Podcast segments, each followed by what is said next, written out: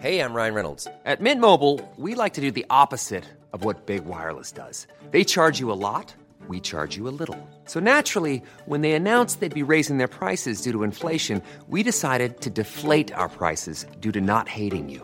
That's right. We're cutting the price of Mint Unlimited from $30 a month to just $15 a month. Give it a try at mintmobile.com slash switch. $45 upfront for three months plus taxes and fees. Promo rate for new customers for limited time. Unlimited more than 40 gigabytes per month. Slows. Full terms at mintmobile.com.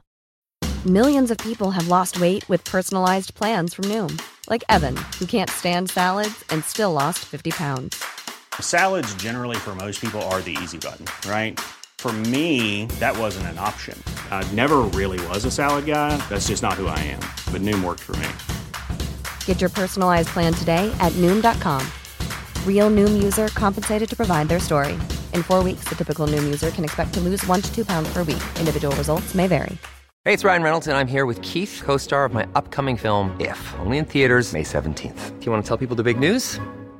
All right, I'll do it. Sign up now and you'll get unlimited for $15 a month and six months of Paramount Plus Essential Plan on us. Mintmobile.com slash switch. Upfront payment of $45 equivalent to $15 per month. Unlimited over 40 gigabytes per month. Face lower speeds. Videos at 480p. Active Mint customers by 531.24 get six months of Paramount Plus Essential Plan. Auto renews after six months. Offer ends May 31st, 2024. Separate Paramount Plus registration required. Terms and conditions apply if rated PG.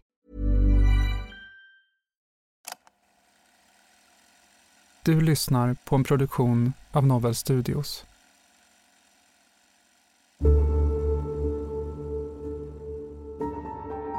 Och jag förstår väl om ni liksom försöker dra i alla trådar som finns, men eh, ja, jag, ty jag tycker det är jag vet inte, idioti. Så. Känner du att du skyddar någon? Det är också så att vi har gjort en husrannsakan i båten och då har vi gjort vissa fynd där. Okay. Hur tänker du om det idag? Det är ändå din pappa det handlar om. Ingen kommentar. Vad skulle du säga om han har ljugit för dig? Vad heter sambon?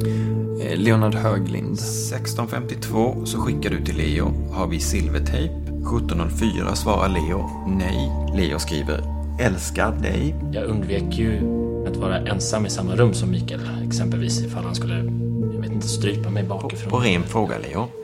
Vad tror du vi tror fanns i den väskan? Mikaels kropp. Det här är Förhörsrummet. En podcastserie som återberättar förhör från autentiska fall. I det första fallet, som består av sju delar, följer vi förhören från det omtalade styckmordet i Karlskrona. Förhören är hämtade från förundersökningen, ordagrant återgivna och gestaltade av skådespelare. Av hänsyn till närstående och övriga inblandade är vissa namn ändrade och särskilda partier utelämnade. Vi hör också Gunilla Blomberg som är kriminalpolis och specialist och utbildare i förhörsteknik.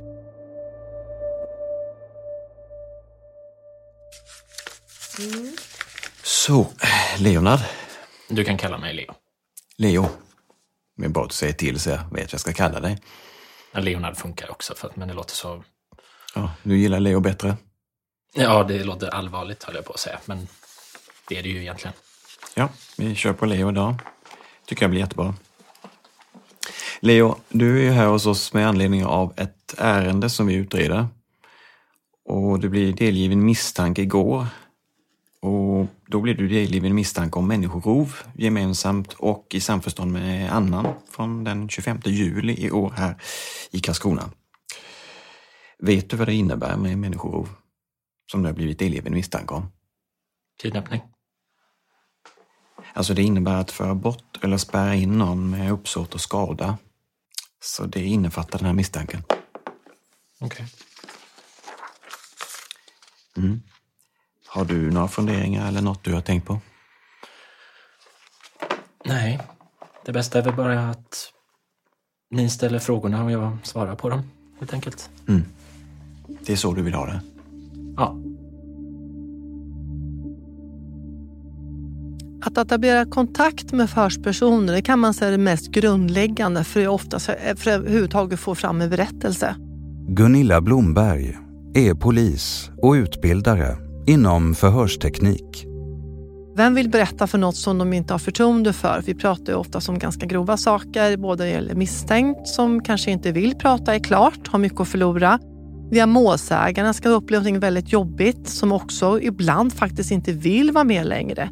Och så har vi vittnen som, som blir liksom tvingade kan man ju säga, för vi är skyldiga enligt lag och vittnen kan ju inte alltid var, de är inte alltid motiverade att vilja prata.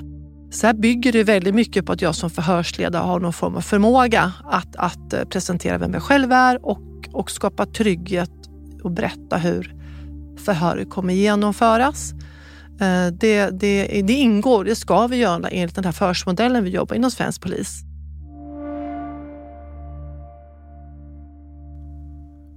–57-åriga Mikael Petersson försvinner den 25 juli 2020 i Karlskrona. I det förra avsnittet hörde vi förhör med Mikaels son Anatoly Petersson som tillsammans med sin sambo Leonard Höglind är de två sista personerna som sett till Mikael. Förhör med Leonard Höglind den 29 juli 2020. Fyra dagar sedan Mikaels försvinnande.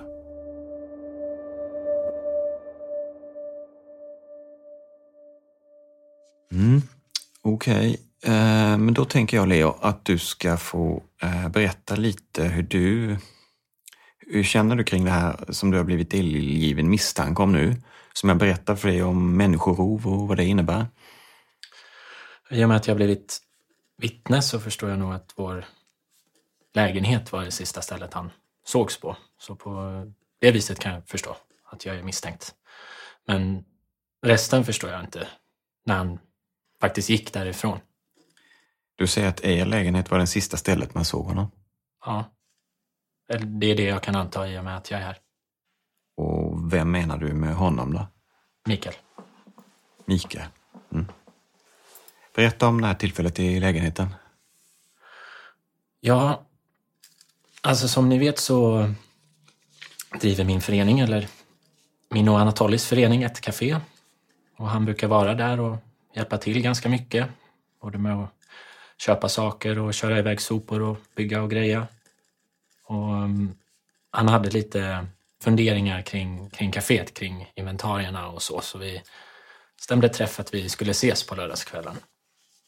Han brukar komma ganska ofta och oannonserat och stanna rätt så länge. Men den här gången, alltså han kom på lördagskvällen men alltså han, var, han var stressad. Han sa att han hade bråttom någonstans och han stannade bara några minuter så jag, jag vet inte. För jag tycker han är, han är lite skum, ärligt talat. Men han brukar stanna längre än vad han egentligen är välkommen, om man får säga så. Jag vet inte. Okej. Okay. Men du sa att ni hade bestämt att träffas den här lördagskvällen. Mm. När bestämde ni det? Ja, det var mellan Anatoly och honom, men jag blev informerad om att han skulle komma på lördagskvällen. Du sa här tidigare, Leo, att Anatoly och Mikael inte har någon jättepositiv relation. Nej, det stämmer. Berätta mer om den relationen. Ja, alltså Anatoly hade inte den bästa barndomen om man säger så. Utan hans föräldrar drack en del. Alltså hans adoptivföräldrar, Mikael och Monica. Och Mikael har också slagit honom en del under barndomen och intill hans vuxna liv också. Så det är lite, vad ska man säga, små... Anatoly är lite fientlig mot Mikael. Det är liksom, ja. Så det är inte på det här sättet, liksom, utan det är mer att han är mer typ sur mot honom och så. Okej. Okay. Hur brukar det vara då, när han är sån? Ja, jag säger väl mest att de får lova att inte tjafsa i kaféet, för det kan komma kunder och sådana saker. Men ja, Mikael tycker också att det är väldigt roligt att reta Anatoly. Han använder aldrig Anatolys riktiga namn, utan han kallar honom bara hans gamla namn, Anton. Anatoly är adopterad och bytte tillbaka till Anatoly från Anton för några år sedan. Mikael tyckte, tycker, jag vet inte, att det är kul att håna honom över detta, eller vad man ska säga. Okej. Okay. Och hur reagerar Anatoly då? Typ Jag heter inte det, jag heter Anatoly. Men jag tycker faktiskt att det har blivit bättre på senaste tiden. För jag, jag pratade med Mikael.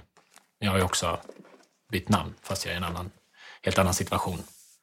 Att jag tror att det är väldigt viktigt för Anatoly att han blir kallad Anatoly. Liksom.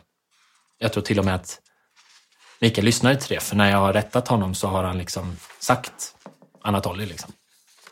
Men jag, jag vet inte, jag, jag tror inte att Anatoly har reagerat på det, för jag tror att han har gjort så förut bara för att skoja, för att se hans reaktion lite så. Okej. Men eh, du berättade att du eh, vill inte att de ska tjafsa i kaféet ifall det kommer kunder och så. Mm. Vad är det de brukar tjafsa om? Mer än om det här som du berättar nu? Mm, ja, det är väl... Det handlar väl om att Mikael, han sitter inte i styrelsen eller något sånt, men han vill ändå bestämma saker om kaféet och så. Det är bra att han kommer med, med åsikter och sånt, men han får inte bestämma rakt av, så att säga. Så det har varit lite om sortimentet, som sagt, lite om själva bygget. De har väl lite olika åsikter. Och Mikael har, har också, precis som Anatolis farfar Sten och, och, och Anatoly då, erfarenhet inom snickeri och sånt. Så det är lika när Sten är där. Eller Anatoly tycker när, när Mikael är där, då blir det liksom ingenting gjort. Mikael frågar Anatoly om saker hela tiden. Och när Sten är där, då vill Sten bestämma. Han är väldigt van vid att ha den ledarrollen. Och sen när Anatoly och Sten och Mikael är där så blir det så här intressekonflikt, så då blir det ju ganska tjafsigt och så. Okej. Du berättade tidigare att Mikael brukar hjälpa till i kaféet och sådär, eller hjälpa er lite med bygggrejer och så. Har han någon annan del i kaféet, i verksamheten? Nej, men han är inte styrelsemedlem eller något sånt, men han har ju lånat oss en del pengar. Min före detta sambo lånade oss ganska mycket pengar och sen krävde han tillbaks allt samtidigt, vilket vi inte hade råd att betala. Så då lånade Mikael oss pengar så att vi kunde betala tillbaks det lånet. Det gjorde vi ganska nyligen. Mm, Okej. Och hur mycket pengar handlar det om? 200 000 någonting. Så det är ganska mycket. Mm. Okej. Men bara- kaféet börjar gå runt nu i alla fall. Så det, det känns ju bra. Det lånet eller, eller vad man ska, vad jag ska säga, betala. Återbetalningen av lånet börjar inte förrän 2021 eller alltså i december, januari nu. Så vi har lite tid på oss att bygga upp verksamheten lite innan. Så det är jättebra. Selling a little or a lot? Shopify helps you do your thing however you cha-ching. Shopify is the global commerce platform that helps you sell at every stage of your business. From the launch your online shop stage to the first real life store stage, all the way to the did we just hit a million orders stage. Shopify is there to help you grow. Shopify helps you turn browsers into buyers with the internet's best converting checkout. 36% better on average compared to other leading commerce platforms because businesses that grow grow with Shopify. Get a $1 per month trial period at Shopify.com slash work. shopify.com/work. If you thought the only way to get a more defined jawline with natural-looking results was through surgery, think again. Juvederm Volux XC is a non-surgical injectable gel filler that improves moderate to severe loss of jawline definition and can help you achieve natural-looking results with little downtime. Even better, this improved definition lasts up to one year with optimal treatment. No maintenance required. Improve jawline definition for a smooth, sculpted look with Juvederm Volux XC. For important safety information and to find a licensed specialist, visit juvederm.com. That's J U V E D E R M.com. Not for people with severe allergic reactions, allergies to lidocaine, or the proteins used in Juvederm. Common side effects include injection site redness, swelling, pain, tenderness, firmness, lumps, bumps, bruising, discoloration, or itching. There's a risk of unintentional injection into a blood vessel, which can cause vision abnormalities, blindness, stroke, temporary scabs, or scarring. Talk to a licensed specialist specialist to find out if it's right for you. I'm Sandra, and I'm just the professional your small business was looking for. But you didn't hire me because you didn't use LinkedIn jobs. LinkedIn has professionals you can't find anywhere else, including those who aren't actively looking for a new job but might be open to the perfect role, like me. In a given month, over 70% of LinkedIn users don't visit other leading job sites. So if you're not looking on LinkedIn, you'll miss out on great candidates like Sandra. Start hiring professionals like a professional. Post your free job on linkedin.com/people slash people today. Millions of people have lost weight with personalized plans from Noom, like Evan, who can't stand salads and still lost 50 pounds. Salads, generally, for most people, are the easy button, right? For me, that wasn't an option. I never really was a salad guy. That's just not who I am. But Noom worked for me. Get your personalized plan today at Noom.com. Real Noom user compensated to provide their story. In four weeks, the typical Noom user can expect to lose one to two pounds per week. Individual results may vary. Hey, it's Ryan Reynolds, and I'm here with Keith, co star of my upcoming film, If, only in theaters, May 17th. Do you want to tell people the big news? All right, I'll do it. Sign up now and you'll get unlimited for $15 a month and six months of Paramount Plus Essential Plan on us. Mintmobile.com slash switch. Upfront payment of $45 equivalent to $15 per month. Unlimited over 40 gigabytes per month. Face lower speeds. Videos at 480p. Active Mint customers by 531.24 get six months of Paramount Plus Essential Plan. Auto renews after six months. Offer ends May 31st, 2024. Separate Paramount Plus registration required. Terms and conditions apply if rated PG.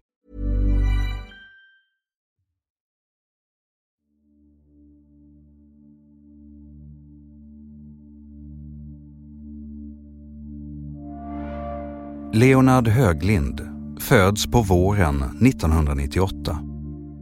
Han växer upp i Johannishus och börjar som sjuåring spela instrument. I gymnasiet går Leonard det estetiska programmet. Då har han också fått upp intresse för japanska serier och bestämmer sig för att åka på utbytesår till Japan. Leonard studerar vidare till undersköterska och jobbar inom hemtjänsten. Han tränar också kampsport och gör det tillsammans med Anatoly redan innan de blir ett par. Mm. Okej, du Leo, jag tänker, är det något annat som du tycker är viktigt att få med för oss i den här utredningen nu? Som jag glömt fråga dig om eller som du känner är viktig grej för oss? Inte vad jag kommer på. Jag är mer orolig för Anatoly. Mm. Vad är det du är orolig för? Han är så... Vad ska man säga? Han är så stoisk, vilket han inte låter synas på utsidan.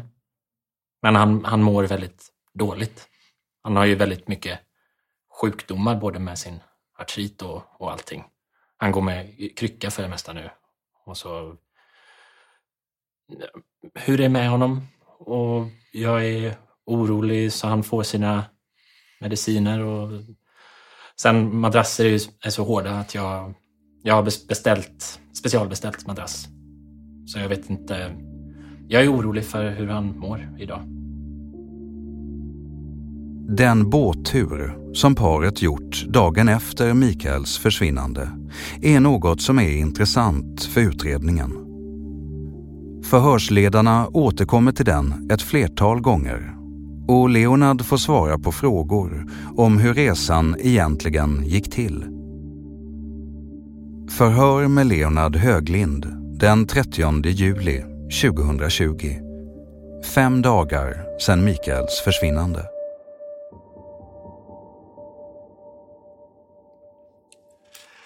Men du, om vi går tillbaka till båten igen då. Berätta om den här båtfärden igen och hur den gick till. Ja, vi åkte ut på morgonen någon gång. Mm, jag vet inte riktigt var vi åkte. Det var i, det var i alla fall 30-40 minuter någon gång, en bit ut. Och eh, åkte till någon ö och utforskade lite och grillade korv och lite så. Okej. Okay. Och när du säger att vi åkte med båten, vilka menar du? Anatoly och jag. Okej. Okay. När hade ni bestämt det här, att ni skulle åka iväg med båten? Några dagar innan i alla fall. Så det var ju planerat att vi skulle ut och åka. Okej. Okay. Så vi har inte så mycket tid själva så att säga. Så det är på söndagarna och, och måndagarna som vi har tid så då börjar vi planera lite innan. så att... Okej. Okay. Var det någon som visste att ni skulle iväg på den här båtutflykten eh, den här dagen? Jo, jag tror att jag sa till min kompis Sanna att vi skulle på utflykt. Okej. Och vad berättade du då? Ja, det, det var... Hon frågade ifall vi kunde ändra tid och datum för träningen som vi gör på måndag till, till söndag mitt på dagen istället. Och då sa jag att det inte gick att vi ska ut med båten och grilla. Okej. Kommer du ihåg när det var? Ni begav er ut med båten? Det var på morgonen, eh, åtta kanske. Mm. Något sånt. Okej. Halv åtta kanske. Jag vet inte, men det var, det var ganska tidigt. Berätta från att du stiger upp på morgonen där. Vad är det som händer på söndagen? Ja, vi stiger upp, duschade, packade lite och så gick vi ner till båten och, och eh, åkte iväg. Mm. Ni stiger upp. Är det du och Anatoly? Ja. Mm. Hur dags steg ni upp samtidigt eller var det något som skilde sig någonting? Eh, Jag steg upp först och duschade först. Och sen steg han upp efter det och duschade. Ja, så Anatoly duschade också? Ja. Mm. Vad gjorde ni sen?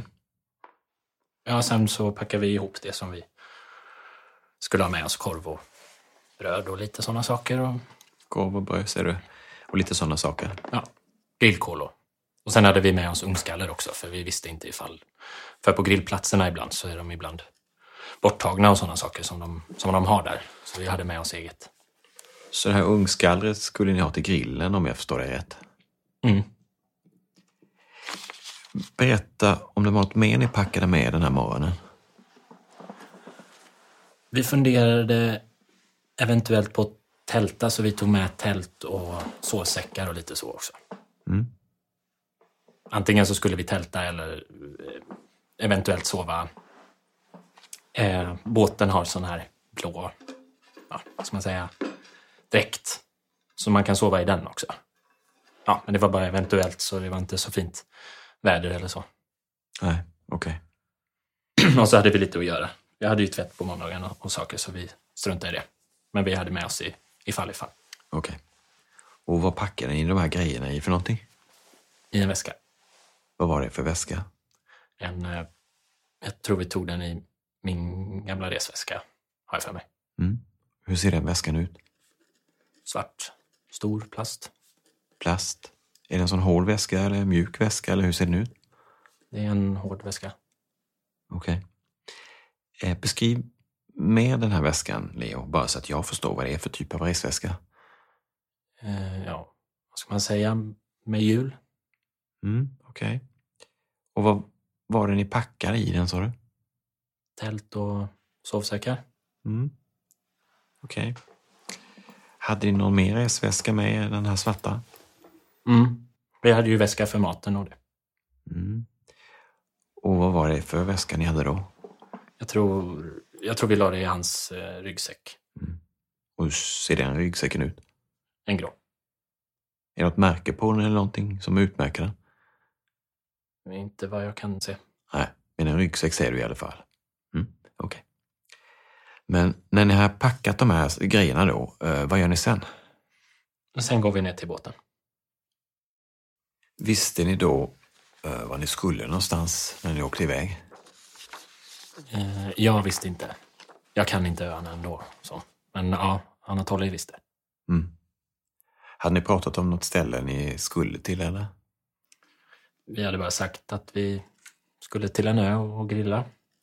Men jag vet inte riktigt skillnaden på dem ändå. Okej. Stannade ni någonstans på vägen eller åkte ni direkt till den här ön som du berättade om? Vi åkte runt lite grann först, så jag tror inte att vi tog raka vägen. Var åkte ni runt då? Vi åkte runt och tittade lite på, bara på vattnet och, och det. Okej. Det var lite båtar där vi skulle... Vad heter det? Den som vi skulle till hade lite båtar och så. Så vi åkte runt en sväng först och sen åkte vi tillbaka. Så. Förstår jag det rätt då att det låg lite borta vid den här ön där ni hade tänkt att stanna, så det var därför ni åkte? Ja. Det var inte så mycket plats. Sen när vi skulle grilla också så ville vi inte ha en massa folk. Liksom. Mm. Stannade ni på någon annan ö när ni körde runt eller? Ingen kommentar. Och vad menar du med ingen kommentar? Eh, Jag kommer inte ihåg vad man skulle säga. Vad sa du? Jag, jag tror inte vi stannade på någon annan ö. Jag är ganska säker på att vi inte stannade på någon annan ö. Vi åkte mest... Vad tänker du? Nej, jag kommer inte ihåg vad, jag skulle säga. Nej. Har du glömt? Eller är det det att du inte vet? Eh, Jag, känner mig lite yr. bara. Du får säga till Leo om det är så att vi behöver ta en paus eller så. Jag skulle vilja ha lite vatten. Mm, Okej, då går jag ut och hämtar det bara.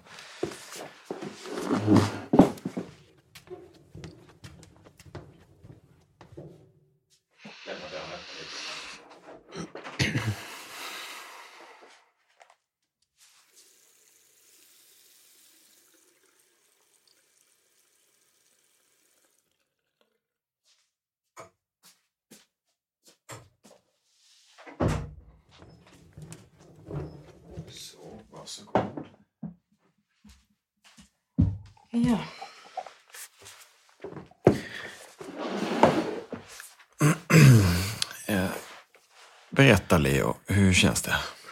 Det känns som att jag blandar ihop saker. Mm. Är det något speciellt du funderar på som gör att du blandat ihop? Nej, alltså.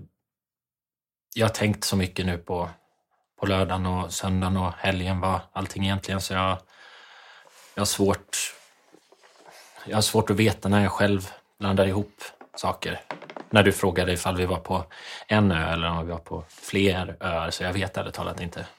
Det känns lite konstigt. Mm. Men det är jättebra att du säger att du inte vet för man har inte svar på alla frågor och vi vill ju veta så mycket detaljer som möjligt. Men det är inte alltid man kommer ihåg och, så det är bra att du säger till. Man ska inte säga något och gissa om man inte vet, eller hur? Nej.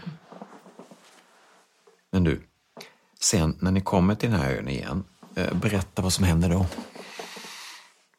Ja, vi gick runt och utforskade den lite så grann och så och sen så vilade vi Mm. kring lunch, typ någonstans. Går runt ön och, och promenerar, klättrar på stenarna lite. Mm. Hur länge är ni på ön ungefär? Ja, ifall vi åkte åtta och var hemma tre, ett antal timmar. Men vi var ute på vattnet en, en ganska stor del också. Mm. Är den här tiden innan ni kommer till ön som du menar, eller? Både innan och efter. Så. Mm. Vi går runt lite. Okej. Efter ni har åkt från ön där då, eh, berätta om det. Ja, efter att vi åkt från ön tar vi ett varv till på, på vattnet helt enkelt och går runt lite och, och så. Tittar på skärgården. Men det var ganska mulet då också, så vi åkte tillbaka sen. När ni åker tillbaka sen då, vilket håll tar ni då? Då tar vi andra hållet, för vi såg judo, judoklubben, så vi tog andra hållet. Okej, och var ligger judoklubben? Eh, den ligger på Saltö. Okej. Och jag har inte sett Karlskrona från det hållet förut, så det var väl lite därför. Då förstår jag att ni åkte det hållet tillbaka. Och sen då? Sen när vi åkte längs Borgmästarkajen så såg vi Anatolis farfar på eh, sin cykel som ropade att Mikael var försvunnen, att han inte hade kommit hem igår kväll. Mm. Och sen så fortsatte vi inåt mot bryggan och där mötte Sten farfar oss. Så. Sen följde han med upp till lägenheten och Anatoly och han pratade lite och så. För att få fram information inom svensk polis så ska vi då inhämta den genom att använda kognitiv intervjumetodik. Alltså en typ av mental vallning kan man säga. Man kan ju valla en person på platsen, alltså man tar ut en person. Men man kan också valla en person i minnet i ett förhörsrum till exempel. Och då, vad man gör då är att man ber personen tänka tillbaka till den här platsen. Man ser till att det inte finns stress i förhörssituationen, att det är lugn och ro. Och man, man informerar till förhörspersonen också att det finns alltid i världen. Och så ber man tänka tillbaka. Och sen med egna ord i fri berättelse. Då. Kognitiv förhörsintervjumetodik innebär att personen ska få berätta fritt. Och när inte det går längre, då är självklart, då använder man den informationen som personen har lämnat. Det mest korrekta är att använda den informationen och ställa frågor först kring det. Har vi bara serverat massa frågor, då har ju inte förhörspersonen själv fått tänka och ge information. Och, och eh, förhörspersonen har ju faktiskt inte fått lämna sin version om det som den har upplevt. Och det är det vi faktiskt ska hämta info. Det är det vi ska ta fram i, i ett förhör.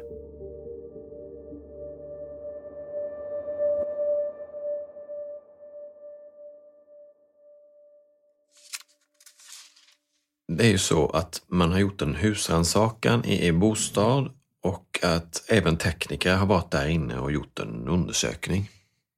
Mm. Och eh, att man har gjort vissa fynd i er lägenhet. Okej. Okay. Mm. Och då handlar det om ett flertal blodspår i lägenheten av mänskligt blod. Okej. Okay. Vad har du berättat om det? Mm. Berätta har jag ingenting. Det, det, kan inte vara från den kvällen i alla fall. Men Anatoly får ju inte alls sällan anfall och då, då händer det att han slår i huvudet och så. Okej, vad händer då när han får de här anfallen? Epilepsiliknande. Mm. Om jag säger så, Leo, eh, är det vid något tillfälle eller i lägenheten som du vet att han börjat blöda vid ett anfall? Ja, som sagt så, så vet jag att han har börjat blöda någon gång när han har trillat, men jag är osäker. Jag kommer ihåg någon gång att jag har sett blod i badrummet, men jag kommer inte ihåg ifall han sagt att han hade näsblod eller ifall det var att han hade haft ett anfall. Mm. Men, eh, ja. Okej. Okay. Har du någon mer fråga kring det, Emma? Nej, det har jag inte. Jag ska skriva de sista meningarna här. Sen när vi, vi eh, tränar också så kom jag på, eftersom vi pratar om, om eh, blod och så. Vi brukar ha en säck som vi hänger upp i, i vardagsrummet för att härda knogarna. Mm. Så slår vi på den och då, då händer det definitivt att man eh, börjar blöda. Mm. Man har även gjort en husrannsakan i er båt. Mm. Och att man även har gjort vissa fynd där. Och även här då har man anträffat mänskligt blod i båten. Okej. Okay. Det vet jag ingenting om. Vi köpte båten ganska nyss också. Så mänskligt blod vet jag absolut ingenting om. Nej. När var ni köpte båten? När var det? Det var precis innan min mobil gick sönder. Um, det vet jag inte. Eller om min mobil, så vet jag att det är några bilder jag tog dagen som min mobil gick sönder. För den fick en vattenskada för det var så mycket regn.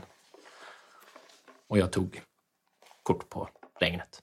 Okej. Okay. Men jag vet inte vilket datum det var. På ett ungefär? Eh, hur länge sedan var det? Inte jättelänge sedan. Det var nu i sommar i alla fall. Det var precis innan vi köpte den också. Mm. Då förstår jag. Mm. Något mer, Emma? Uh, nej. Är det något mer du känner, Leo, som du tycker är viktigt att vi vet, som vi har glömt att fråga dig om idag? Inte direkt. Blodet i lägenheten tror jag ju som sagt att antagligen är från anfallolyckor eller ifall de har bråkat. Men i, i båten vet jag verkligen inte. Mm. Mm. Och du hemma hade inget mer? Nej. Då är vi klara för idag, Leo. Så ska du få gå ner igen. Eh, ska vi avsluta här? Det här var den andra delen av sju i serien om styckmordet i Karlskrona. Avsnitten släpps en gång i veckan. I de kommande delarna hör du bland annat det här.